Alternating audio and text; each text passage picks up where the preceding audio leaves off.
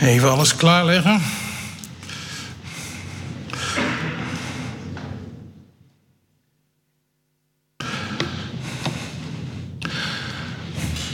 Ja, het thema van de gemeente is meer van de geest.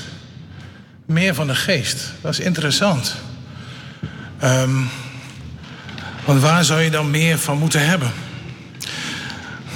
En ik uh, ben nog wel eens in gesprek met een aantal van de leiders hier. En uh, daar heb ik ook dat verlangen geproefd.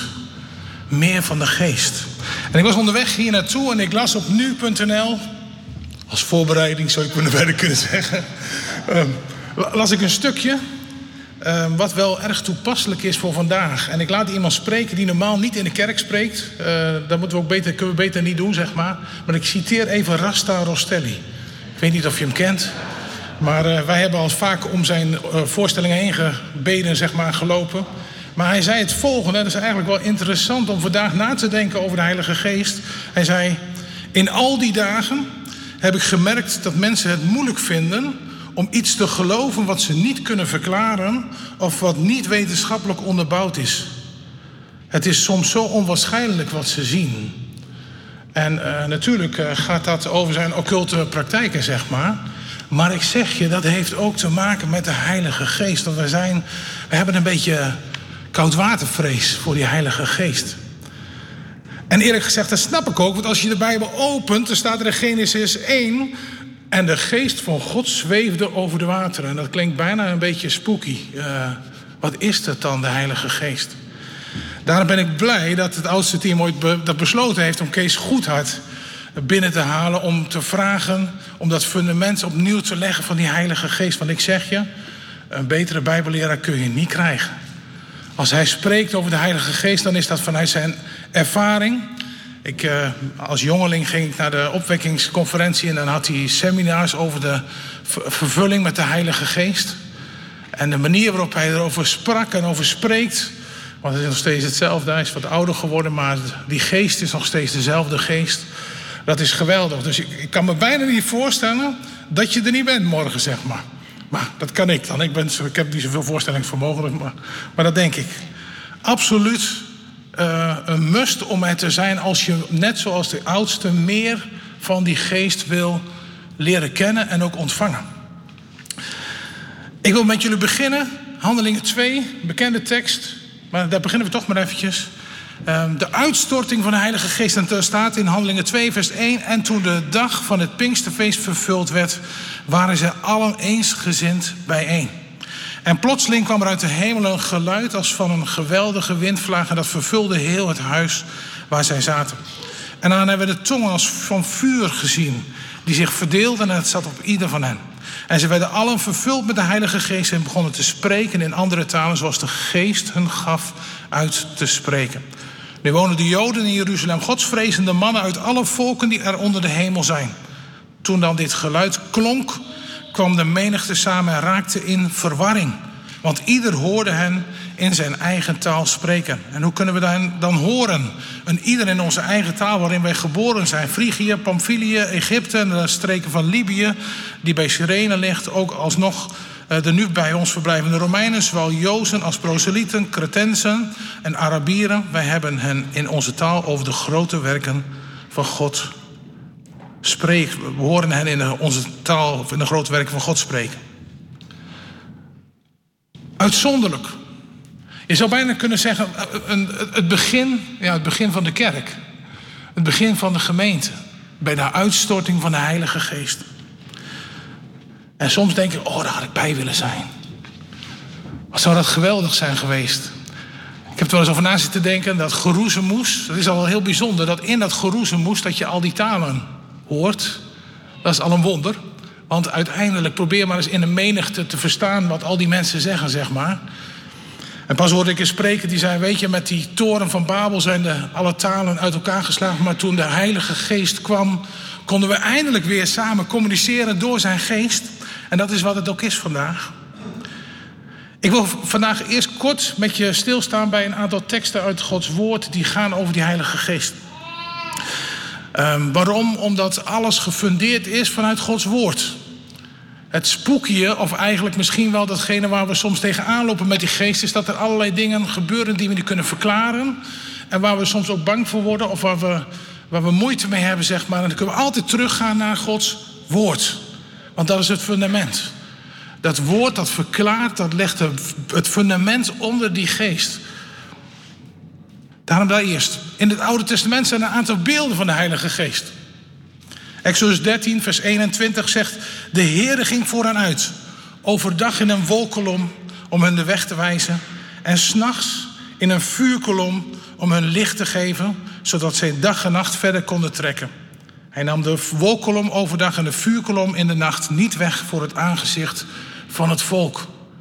De Heilige Geest trok vooruit en hij beschermde. Een beeld in het Oude Testament van de Heilige Geest. En um, uh, vorige week, William was bij ons aan het spreken. En hij sprak over, um, over een onderwerp. En toen had hij het over de, de, de ark van God. Uh, de ark en het bizemantje, als je in het uh, Hebreeuws gaat kijken. Hetzelfde woord, teva. Maar um, dan op een bepaald moment zei hij van Genesis 8, vers 6. Zegt, en het gebeurde na verloop van 40 dagen dat Noach het venster van de ark dat hij gemaakt had opendeed. Daarna liet hij een duif van bij zich los om te zien of het water op de aarde afgenomen was. En toen dacht ik, hé, hey, dat is eigenlijk ook een beeld van de Heilige Geest. Hij maakte een klein venstertje bovenin. En het, de duif als beeld, wat we wel vaker tegenkomen, dat is een, een beeld van de Heilige Geest. En David die spreekt in Psalm 51, schep mij een rein hart, o God. En vernieuw in mijn binnenste een standvastige geest. Verwerp mij niet van voor uw aangezicht en neem uw heilige geest niet van mij weg. Weet je, als je naar het Oude Testament kijkt, dan zie je dat um, af en toe de Heilige Geest kwam op een persoon en die uh, werd be bevestigd. Er waren profeten, koningen, richters die van God die Heilige Geest kregen om hun taak te doen.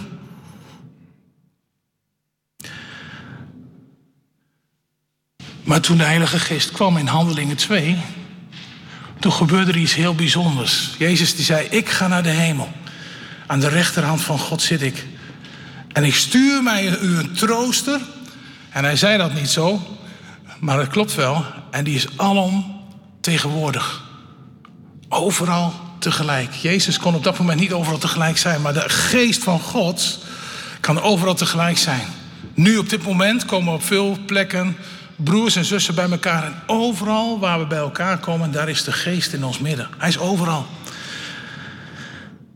En hij is, en ik ga misschien een beetje herhalen wat Kees heeft gezegd, maar ik dacht dat ga ik toch doen voor de mensen die er niet waren. Het is een persoon. Het is niet een vage kracht. De Heilige Geest is een persoon. En ik ga je um, even snel een aantal teksten geven. Uh, als je straks denkt, oeh, dat was een beetje snel, dan wil ik ze ook wel naar aan je geven, zeg maar, zodat je nog eens door kunt lezen, waarin je ziet dat de Heilige Geest menselijke trekken heeft. Hij heeft een wil. Er staat in 1 Corinthië 12, vers, vers 11, al deze dingen echter werken één en dezelfde geest, die aan een ieder afzonderlijk uitdeelt aan wie hij wil. De Heilige Geest heeft een wil. Net zoals dat uh, de mens dat heeft.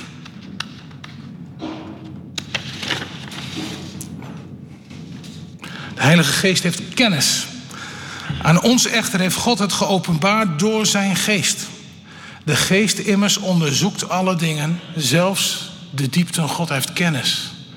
Daarom zijn we ook zo afhankelijk van die geest, want hij heeft meer kennis dan wij als mens. Meer uh, overzicht over de dingen die we zelf niet zien. Achter de horizon. Ik was uh, van, uh, van de zomer op vakantie in Scheveningen. En dan lig je aan het strand, of zit je aan het strand. Ik ben niet zo aan het strand liggen, maar loop je langs het strand, zeg maar, dan kijk je tot aan de horizon. En dat is ons beperkte zicht als mens, maar de Heilige Geest is in staat om over die horizon heen te kijken.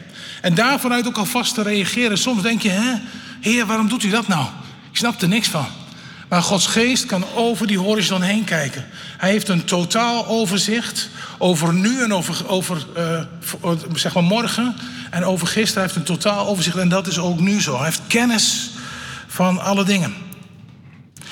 Een van de menselijke kenmerken die de Heilige Geest ook heeft, is hij heeft liefde. En ik roep u het op, broeder, door onze Heer Jezus Christus en door de liefde van de Geest, om samen met mij te strijden in de gebeden tot God voor mij. Staat in Romeinen 15, vers 30.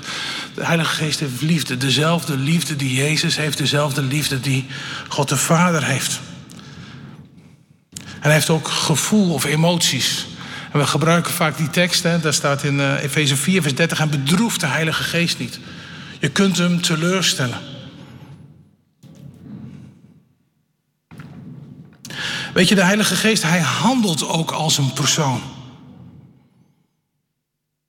Johannes 14, vers 26 zegt hij.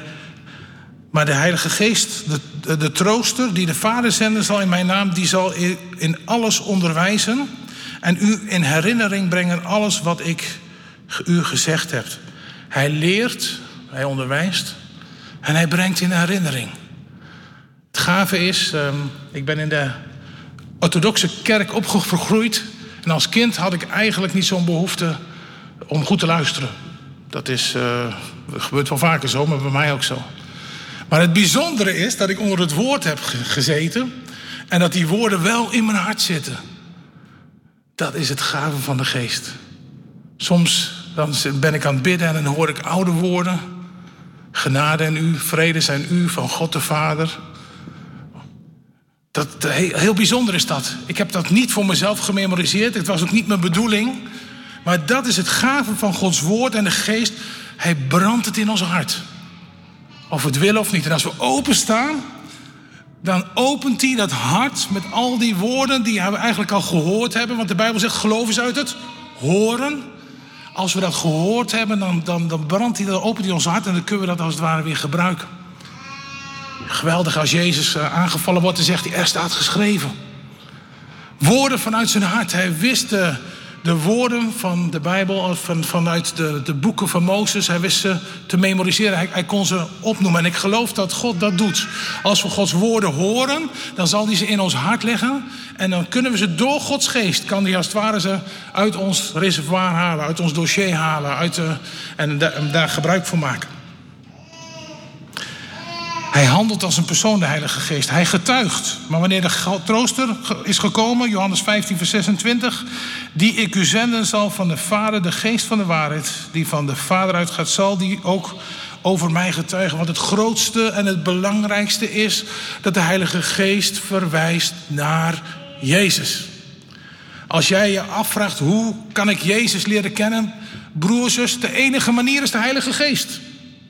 Dat kun je niet bij je verstand, dat kun je niet uit jezelf. Dat kan alleen maar als de Heilige Geest je dat heeft geopenbaard. Je bent door geloof gekomen, zegt Gods woord, door de Heilige Geest. Door zijn geest zeggen we Abba, Vader. Niets anders dan dat. Er is eigenlijk helemaal niks engs aan die geest. Want we hebben hem eigenlijk dagelijks al bij ons. Alleen we moeten hem toestaan in ons leven. En waarom zijn we bang geworden? Nu ga ik een beetje, nu sla ik een stukje over, maar dan kom ik straks wel weer op de rest weer terug. We zijn bang geworden vanwege de manifestaties. Vanwege uh, Toronto, uh, van alles meegemaakt, zeg maar. Maar we doen de geest tekort als we hem niet toestaan om zich ten volle aan ons te openbaren. Want als de geest ten volle aan ons geopenbaard wordt, dan wordt Jezus ten volle aan ons geopenbaard. Echt waar. En dan spreekt hij en dan leidt hij um, elk moment, om maar met een oud lied te zeggen, elk uur, elk ogenblik. Dat is wat de geest wil doen. Hij getuigt, hij handelt als een persoon, hij getuigt van de liefde van Christus. Hij overtuigt ook. Maar ik zeg u, zegt Johannes 16, vers 7. Ik zeg u de waarheid, het is nuttig voor u dat ik wegga, zegt Jezus. Want als ik niet wegga, zal de trooster niet naar u toe komen. Maar als ik heen ga, zal ik hem naar u toe zenden. En als hij gekomen is, zegt vers 8, zal hij de wereld overtuigen van zonde, van gerechtigheid en van oordeel. Je kunt uh, ergens een moreel kompas in je hart van heel veel dingen weten we eigenlijk wel dat het niet zo goed is.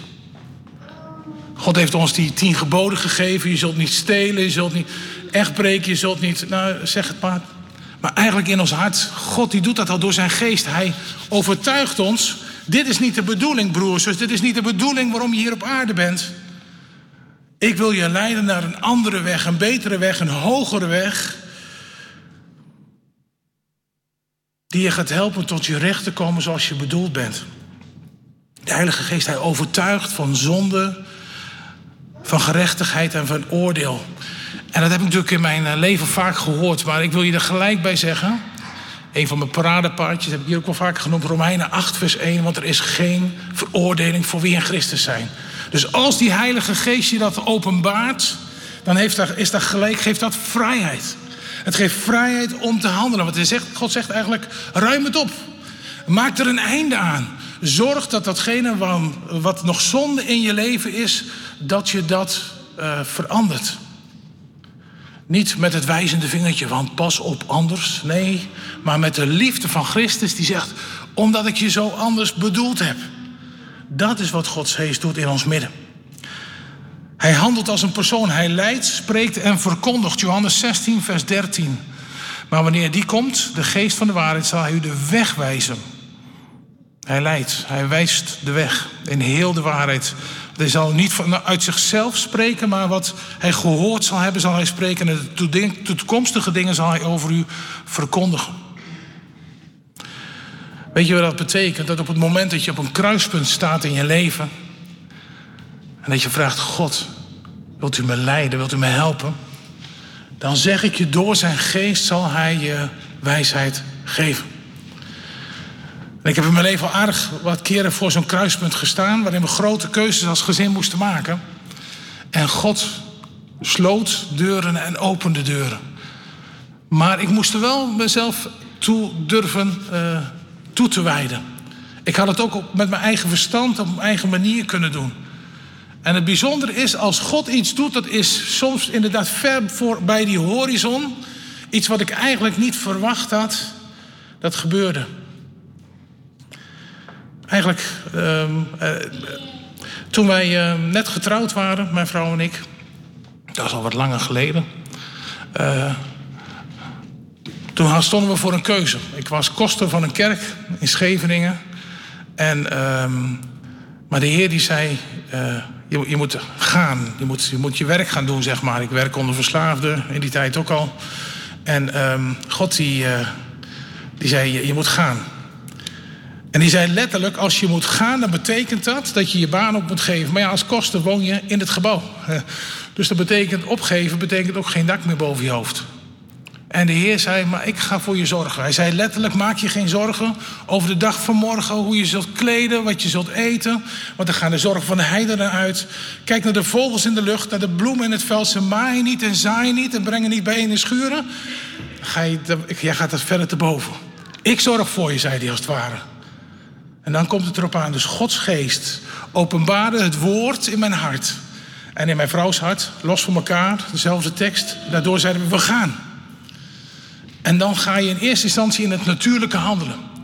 We pakten de Haagse Courant, keken in de, uh, de rubriek van te huur staande kamers, huizen. En we dachten, heren, zo gaat u ons dat wel voor ons oplossen. En ik weet nog dat we ergens in een achterwijkje in Den Haag uh, naar een kamer gingen kijken. En een beetje slikkend zeiden, nou heer, als, als dit het is, dan moet het maar worden. Maar het was niet echt naar onze zin, maar ja... Je mag geen, uh, geen eisen stellen bij God, uh, zeiden we dan. Dus we zien dat allemaal wel. Maar het bijzondere was, dat was helemaal niet Gods plan. Gods plan was dat uiteindelijk... Hij was bezig om ons een opvangcentrum te geven in Zeeland, in Wemeldingen. Een groot vissersinternaat, schippersinternaat, zeg maar. Maar we hadden er nog nooit van gehoord. Maar God die bracht dat op onze weg en we konden er als het ware feilloos zo in. Maar het was verder als onze horizon. Maar het begon bij te geloven dat het woord van God waar is. Maak je geen zorgen over de dag van morgen, wat je zult eten. Dat, dat kan. Maar als ik, dat kan, ik kan het ook zelf regelen, zeg maar. Ik kan ook zelf regelen dat ik eet en dat ik woon. En dat, ik kan het allemaal zelf doen. De Heilige Geest is eigenlijk de overgave in plaats van dat ik zeg, ik doe het zelf. Heren, doet u het maar. En dan moet ik ergens uitschakelen dat ik denk, maar ik kan het zelf eigenlijk ook wel hartstikke goed. Dat lukt me eigenlijk wel. Hij handelt als een persoon. Hij roept. En terwijl zij de Heere diende vasten, zegt Handelingen 13 vers 2... zei de Heilige Geest, zonder voor mij zoals Barnabas als Saulus af... voor het werk waartoe ik hen geroepen heb. Hij roept. De Heilige Geest roept. Ik geloof dat daar uh, om en geen uitzondering is. Ik geloof dat de Heilige Geest roept vandaag. En in eerste instantie roept hij je tot een persoonlijk en een heilig leven. Want dat is namelijk ook wat de Heilige Geest doet. Hij zondert je af. Hij haalt je uit de wereld. En zet je apart. En zorgt ervoor dat je een heilig en Jezus toegewijd leven gaat leiden. Dat doet hij. Daar roept hij toe op. Het is aan jou hoe je daarin antwoordt. Um, maar hij roept ook mensen om in beweging te komen. Weet je, in de eerste instantie, ik ben een gemeenteman, eh, zoals velen wel weten, roept hij je voor de plaatselijke gemeente. Want de plaatselijke gemeente is de ark voor vandaag, voor de wereld. Dus als je een plek voor je buurman of voor je buurvrouw wil bieden, dan is dit de ultieme plek. De plek waar je mensen mag gaan uitnodigen, mag zeggen welkom, welkom thuis. Fijn dat je er bent. En dat doet Gods Heilige Geest. Want Hij brengt bewogenheid in je hart. En je denkt, datgene wat ik heb gekregen van God, dat moet ik ook aan een ander vertellen. Ik kan daar niet mijn mond over houden. En af en toe uh, voor mijn werk uh, loop ik nog wel eens hier in Ommen. En uh, dan zie ik die mooie omgeving. we zitten aan de vecht te wachten tot we bij iemand op bezoek mogen. En, um, en dan kijk ik rond en denk ik, wauw. Heren, wat heeft u een gave mensen in Ommen gelegd, laten wonen. Maar tegelijkertijd bid ik dan, heren, zorg ervoor dat deze mensen Jezus leren kennen. Dat ze de veiligheid van de plaatselijke gemeente gaan vinden. Dat ze uiteindelijk daardoor hun doel gaan vinden. Want dat is wat ik geloof waar de gemeente voor is. De plek waar je je doel in Christus mag ontdekken. En um, gisteren sprak ik um, uh, uh, op uh, een, co coördinatieverhaal van, van opwekking, zeg maar, waar ik, waar ik bij hoor. Toen heb ik ook gezegd, het gaat uiteindelijk om samen.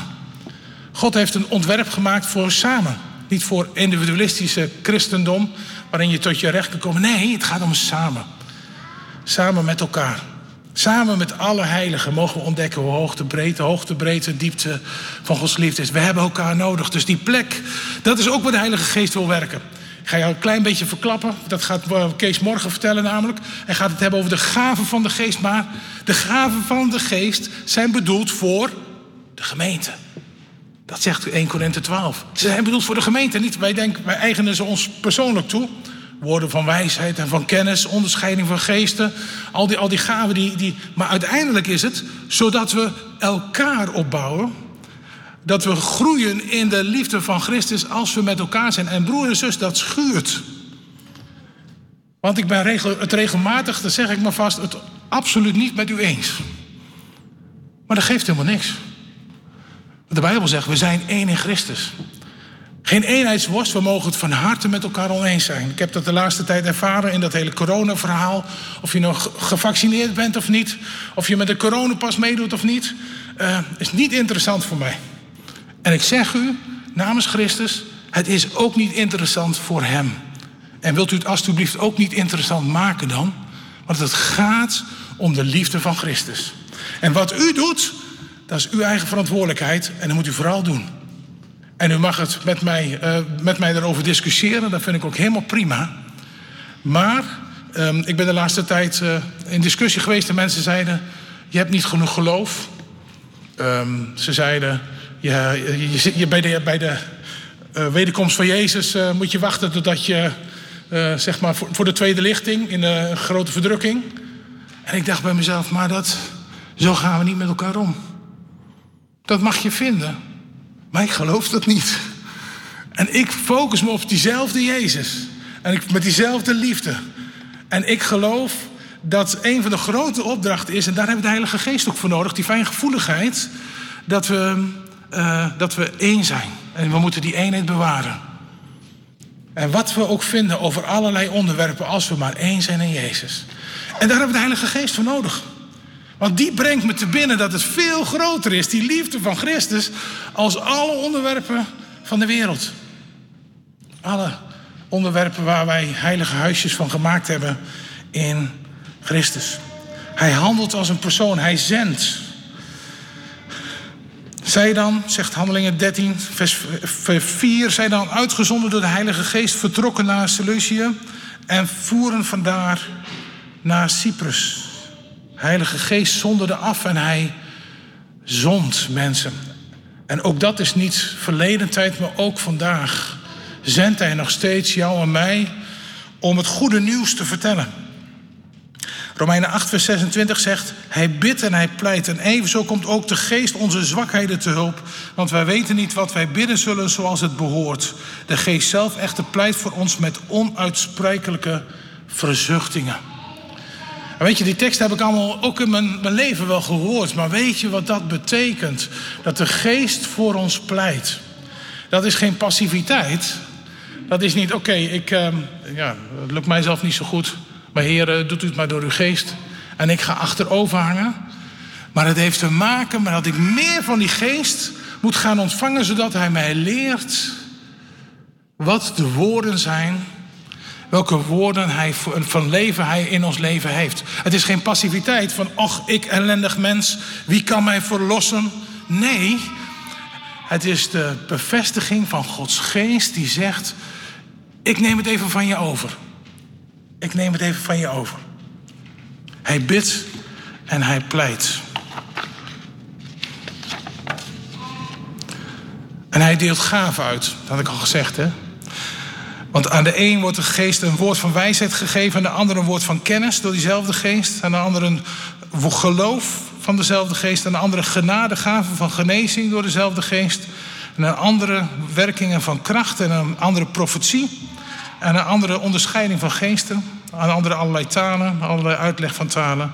Al deze dingen echter werkt één en dezelfde geest die aan een ieder afzonderlijk uitdeelt zoals hij wil. En als die geest dan werkt in je midden, hoe kun je dan zien dat het Gods geest is? Nou, de Bijbel zegt aan de vruchten herken je de boom. En um, ik heb uh, heel veel met mijn broers en zus onderzocht van oké, wat betekent dat dan als je vervuld bent en je valt in de geest? Of uh, je spreekt in tongen? Of je hebt woorden van wijsheid. Wat betekent dat dan voor jouw geloof? Ik geloof dat die uitingen van de geest bedoeld zijn zodat het je geloof sticht. Dat het je helpt in het dagelijks leven om te weten, God is bij machten om bovennatuurlijk iets te doen waar we zelf met ons verstand niet bij kunnen, waar we zelf niet kunnen bedenken. En al is dat voor de ander, dan nog zal dat ons geloof stichten. Het, het zorgt ervoor, zeg maar, die gaven die voor die ander zijn, van wijsheid en van kennis en van onderscheiding van geesten. Want uiteindelijk gaat het allemaal dat die ander Jezus leert kennen.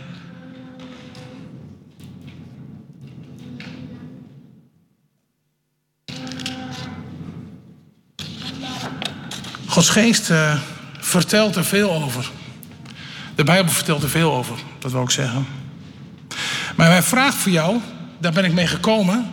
Is die Heilige Geest nog ver weg of dichtbij voor jou?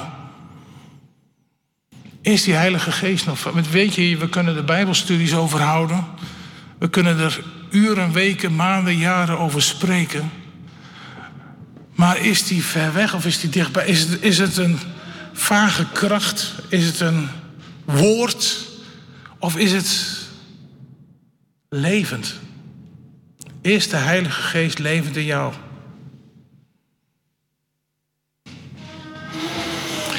Jezus zegt, zonder mij kun je niets doen. Ik durf vandaag te zeggen, zonder de Heilige Geest kun je niets doen.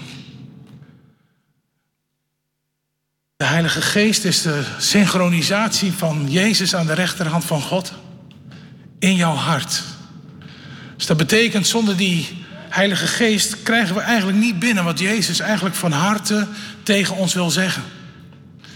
Jij en ik, we moeten daar open voor staan. En dat is lastig, zeg maar. Want het is gemakkelijker om zo'n tekst te lezen. als open te staan voor die nuance van de Heilige Geest. Wij hadden kort geleden uh, een werkweek met onze opvang. En daar uh, sprak Wim Tollenaar. En ik weet niet of je hem kent, ik kom van Jeugd voor Opdracht. En die heeft een gave van profetie. Maar niet onder het mom, zo zegt de Heer. Jij moet volgende week naar Zwolle om te evangeliseren op de melkmarkt.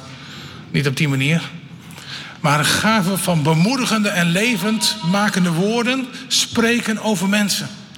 En dat, is, uh, dat, gaat in ieder, dat begint in, in de rust. De Heer ziet je zitten, positieve woorden, heeft goede gedachten over je. En dan komt er in één keer een kleine nuance. Het zou kunnen zijn dat de Heer uh, je adviseert of om, om, uh, bemoedigt om, om iets met een alfa-cursus te gaan doen. Of een, een...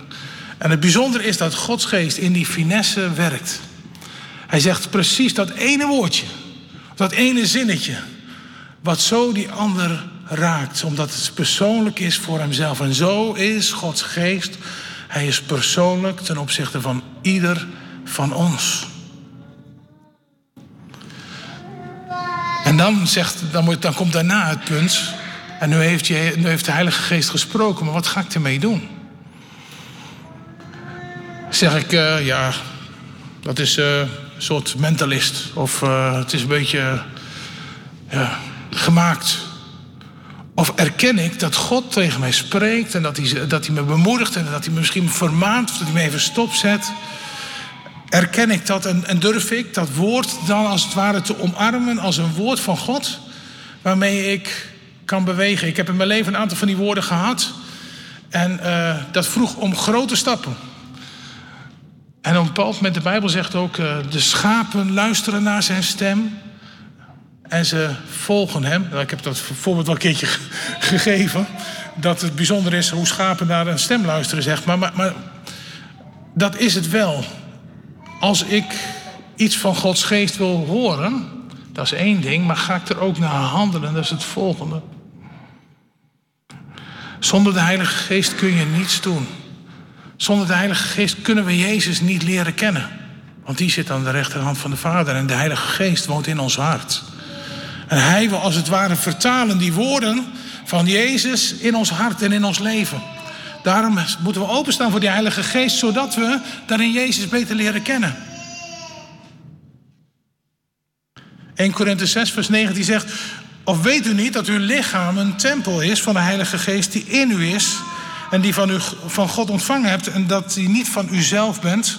U bent immers duur gekocht, verheerlijk daarom God in uw lichaam en in uw geest die van God is. Dus wat is er gebeurd toen je tot bekering kwam? Toen zei God, ik eis jou terug. Je bent van mij. Je was eigenlijk al van hem. We hebben onze eigen weg gewandeld, maar toen we tot bekering kwamen, zei God, ik eis je terug. Jij bent van mij. Je bent niet meer van jezelf. Besef je dat eigenlijk wel, dat je niet meer van jezelf bent? Dat je van God bent en dat Hij je duur gekocht heeft met, door, door aan het kruis te gaan, door zijn zoon te geven.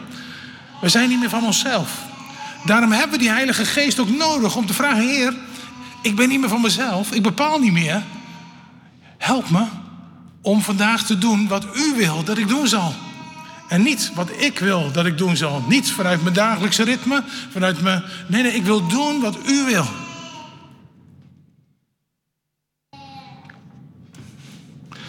Wij zeggen altijd hè, met kinderliedjes: uh, Jezus woont in ons hart. Uh, we moeten er eigenlijk een nuance in brengen, wat mij betreft. De Heilige Geest woont in ons hart. En hij verwijst naar Jezus. Dat leer je eigenlijk, dat, uiteindelijk leert je dat om te ontdekken wat de, wat de plek is van de Heilige Geest. En dat het legitiem is om te zeggen: Ik heb meer van uw geest nodig. Dat is niet om een ervaring, maar eigenlijk zeg je: Daardoor wil ik meer van Jezus leren kennen. Maar ik heb die Heilige Geest nodig, want zonder die Geest kan ik het niet. De Griekse term voor de Heilige Geest is ook een parakleet, parakletos. En dat zou je kunnen uh, omschrijven als uh, behartigt de belangen van God de Vader.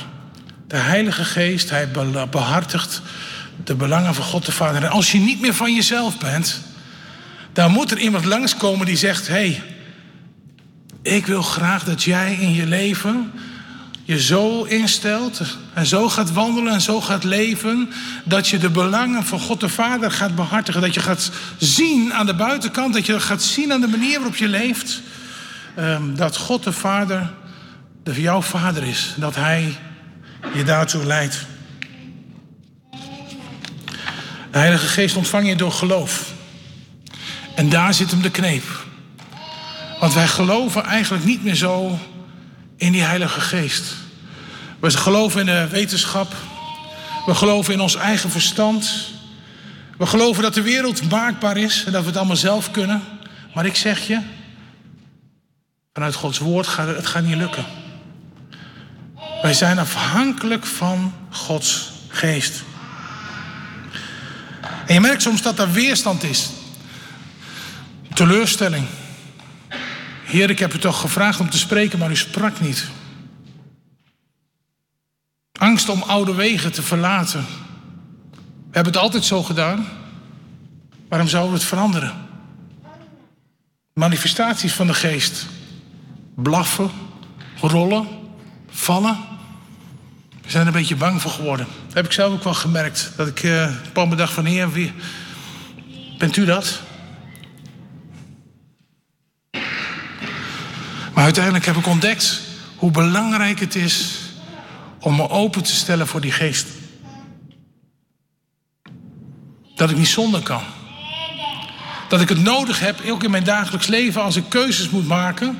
Behalve dat ik mijn verstand heb gekregen dat God door zijn geest als het ware me helpt over die horizon heen kijken. Datgene wat ik met mijn verstand niet kan bedenken, waar ik met mijn intellect niet uit kan komen, daar is Gods geest die me net even dat zetje naar links of naar rechts geeft, of me remt, of me inspireert. Als ik denk bij mijn verstand, ik kan er niet meer bij komen. Geloof jij nog in de kracht van Gods geest? We zeggen heel gemakkelijk, Jezus is dezelfde gisteren, vandaag en tot in eeuwigheid. En ik zeg je, de Heilige Geest is dezelfde gisteren, vandaag en tot in eeuwigheid. Hij is dezelfde. Durf je die weerstand op te geven? Durf je je over te geven? Dat te zeggen, Heilige Geest van God, vul. Vul me maar met, u, met uzelf. Durf je je daar aan over te geven, want dat is wat we moeten doen. Dat is waar Gods woord ons toe oproept. Efeze 5, vers 18 staat: Wordt vervuld met de Heilige Geest. Als je in de grondtekst kijkt, daar staat: Wordt voortdurend vervuld met de Heilige Geest. En waarom moeten we nou voortdurend worden vervuld met de Heilige Geest? Omdat we lek zijn. We verliezen het van de Geest. Weet je waarom? We raken weer in ons intellect, in onze gedachten verdwaald. We gaan het weer van andere dingen verwachten. Maar Paulus zegt, word voortdurend vervuld met de Heilige Geest. Waarom? Omdat je het nodig hebt. Het is noodzaak. Het is noodzaak dat je dat doet. En eigenlijk zou ik wensen dat in jullie midden eigenlijk die roep elke dienst er is. Word vervuld met de geest. En niet als een, weer als een soort traditie. Maar op het moment dat je hier binnenkomt, dat je denkt: Oh, ik heb die geest nodig. Broers, bid even voor me. Help me om, om daarin vervuld te raken, zeg maar. Dat is bij ons eh, in onze gemeente een gewoonte geworden. Als je gebed wil, elke, elke dienst kan het. En natuurlijk, het kan hier ook elke dienst, maar het is ook een gewoonte geworden dat mensen dat doen. Want er is geen veroordeling. Ik heb het ook nodig, ik laat het voor me bidden. Het is voor iedereen precies hetzelfde. Het is geen schroom, je moet er even aan wennen dat het een gewoonte wordt, zeg maar. Maar als je het hebt over die geest, we hebben elke keer weer opnieuw die geest nodig. En als je daar niet van overtuigd bent, dan bid ik vandaag dat God en door zijn Heilige Geest je daar van de week van gaat overtuigen. Dat hij je gaat overtuigen dat je het zelf niet kunt. Weet je, het bijzondere is, is dat hij dat doet. Als ik soms eh, als het ware God uitdaag en uh, Heer, ik kan het zelf wel, dan zet hij me deze week voor problemen. Dan zet hij me met de rug tegen de muur aan, waardoor ik het even niet meer weet. En dan zeg ik inderdaad, Heer, ik wist het beter, maar ik kan niet zonder u. Ik kan niet zonder uw vervulling. Ik kan niet zonder uw geest. Ik heb u nodig. Vervul me opnieuw met uw geest. Vervul me. Vervul me opnieuw met uw geest. Er staat zo'n oud, ehm, voor mij in ieder geval oud uh, opwekkingslied. Bron van levend water. Ontspring nu in mij, zend uw geest, o heilige God, en maak mij vrij van alle situaties die mijn hart bezwaart. Ik geef mijn last aan u. die heel mijn ziel bewaart. Bron van levend water. Dat is uiteindelijk wie de Heilige Geest voor je wil zijn. Hij wil een bron zijn van levend water. Die je in, op elk moment van de dag, elk uur, elk ogenblik wil vervullen, wil leiden, wil bemoedigen, wil oprichten, wil spreken. Heb je eigenlijk de laatste tijd wel ervaren dat God spreekt in je leven? Broer, zus, dat heb je nodig. Je hebt het nodig dat je bemerkt dat God een sprekende God is. En dat gaat verder als je Bijbelleesplannetje. Dat gaat verder als dat. Weet je, dat betekent, je kunt hier mooi langs de vecht wandelen. Dat is in de rust wandelen met God. Zeggen, Heer, hier ben ik. Ik wil graag naar u luisteren. In de stilte van mijn hart wil ik u, naar u luisteren. En weet je wie dan spreekt? Dat is Gods geest. Hij spreekt tot je. Hij bemoedigt je, hij bekrachtigt je. Heb je de laatste tijd levensmakende woorden van God ontvangen? Ik wel. En weet je waarom? Omdat ik ze nodig heb. Omdat ik besloten heb, heren, uh, ik ga niet verder. Voordat ik die woorden van u heb ontvangen. Want ik kan niet verder. Ik kan het wel op mijn eigen manier doen. Maar dan kom ik ook met mijn eigen vruchten weer uit. En die wil ik niet meer. Ik heb u nodig. Heb je misschien een droom ontvangen van God? Weet je, dat is ook nog steeds zo. Wij zeggen, ja, dan moet je voor uh, ver weg wonen. Iran, Irak, uh, de God, Jezus, de droom is over Jezus. Nee, ook hier in geloof ik dat Gods geest je dromen kan geven. Dromen voor vandaag, dromen voor de toekomst. Misschien wel dromen over hoe de geestelijke situatie hier is. Dat wil hij doen door zijn geest. Als je daarvoor open staat, als je zegt, Heer, openbaar uzelf, dan zal hij dat doen. Snap je, daar zit een beetje de crux. Hè? We kunnen praten over de Heilige Geest. We kunnen hetzelfde als we kunnen praten over Jezus. Maar ergens moet ik voor mezelf een switch maken en zeggen: Oké, ik wil daar meer van weten. Ik wil daar, ik heb daar doorstaan. Ik wil dat meer onderzoeken. En dat is niet alleen maar lezen, maar het is ook ervaren. En ik ga je niet een ervaringsgerichte uh, theologie uit, uh, uitspreken, maar ervaren hoort erbij. Als je het hebt over Jezus vrede, Heere geef mij vrede, dan zul je ergens toch ook die vrede moeten ervaren in je hart, anders gaat het niet werken.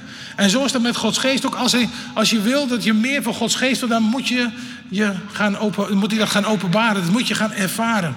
God die een sprekende God is. En God die in ons midden, je merkt op een bepaald moment, heen, Gods geest is hier. Hij is in ons midden. Hij geeft soms nieuwe richtingen. Als deuren geopend of gesloten gaan worden. Er zijn genoeg uitdagingen waar we op dit moment naartoe zouden kunnen kijken en zeggen: Heer, hoe, hoe moeten we daar nou mee omgaan? Maar ik daag je uit om dat niet met natuurlijke ogen te bekijken, maar met Gods ogen. Heer, hoe wilt u dat dan precies doen? Mijn gebed voor jou vandaag is dat die bron van levend water, dat je daar een verlangen naar gaat hebben om die te laten openen. En dat een cultuur in deze gemeente ontstaat waardoor je eigenlijk tegen elkaar zegt: Broer, wil je even voor me bidden? Ik wil graag weer opnieuw vervuld worden met die Heilige Geest. Ik merk deze week heeft me zo bezig gehouden. Eigenlijk ben ik het een beetje kwijtgeraakt. Dat is die Teva, die, die, die, die ark zeg maar, die hier is. Waarin je vanuit hier weer je dagelijks leven in kunt gaan. Maar vandaag kun je tegen elkaar zeggen: um, Hier ben ik, zal ik voor je bidden. Laten we samen aan de Heer vragen. Want de Bijbel zegt: twee die eenparig bezeren, begeren, die zal het ten deel vallen. Weet je, als je God vraagt om zijn Heilige Geest, denk je nou werkelijk dat hij hem niet gaat geven? Graag wil hij dat. Want hij zegt al: Ik heb je al terug ontvangen doordat je tot geloof bent gekomen. En ik wil zo graag het stuur van je leven in handen hebben. Ik wil zo graag je tot je recht laten komen zoals je bedoeld bent. En daar heb je Gods geest voor nodig. En daar heb je je broer en zus voor nodig. En daar heb je de gemeente voor nodig. Echt waar. Samen zul je dat gaan ontdekken. De hoogte en de breedte en de diepte van Gods liefde. Zullen we samen bidden? En Jezus, ik wil zo op dit moment bidden, dat u door uw geest aan ons hart klopt vanochtend. En dat u ons dorstig maakt. Dorstig maakt, Heer, naar uzelf, naar uw liefde.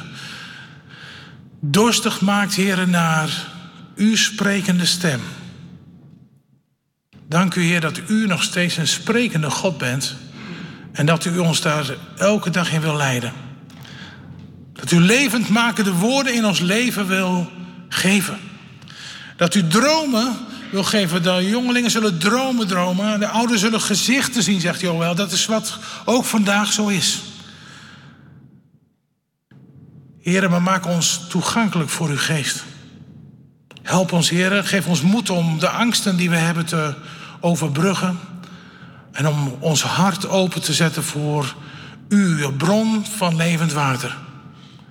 En ik bid u vandaag, heren, dat als er bepaalde gedachtepatronen zijn, heren, ik wil ze slechten. Heer, ik wil ze tentoonspreiden op dit moment en krachteloos verklaren in de naam van Jezus.